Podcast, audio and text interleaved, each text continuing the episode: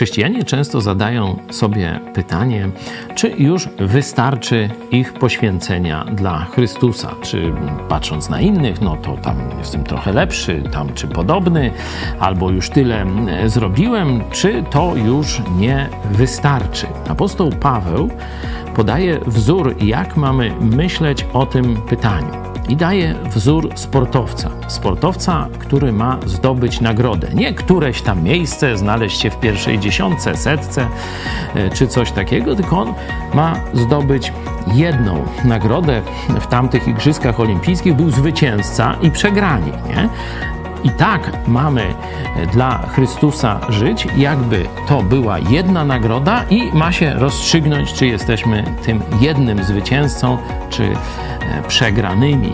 E, pisze o tym w pierwszym liście e, apostoł Paweł do Koryntian w dziewiątym rozdziale od 24 wersetu, ale wcześniej kontekst jest bardzo też podobny. Pokazuje, że chrześcijanie, apostoł sportem się dość mocno zajmowali i mówi: Czy nie wiecie, że zawodnicy na stadionie wszyscy biegną, a tylko jeden zdobywa nagrodę? Tak biegnijcie, abyście nagrodę zdobyli. A każdy zawodnik, zanim no już będzie to rozstrzygające nagroda czy nie, a każdy zawodnik od wszystkiego się wstrzymuje. Od wszystkiego. Czyli na ile procent? No, odpowiedź jest oczywista. Na 100%.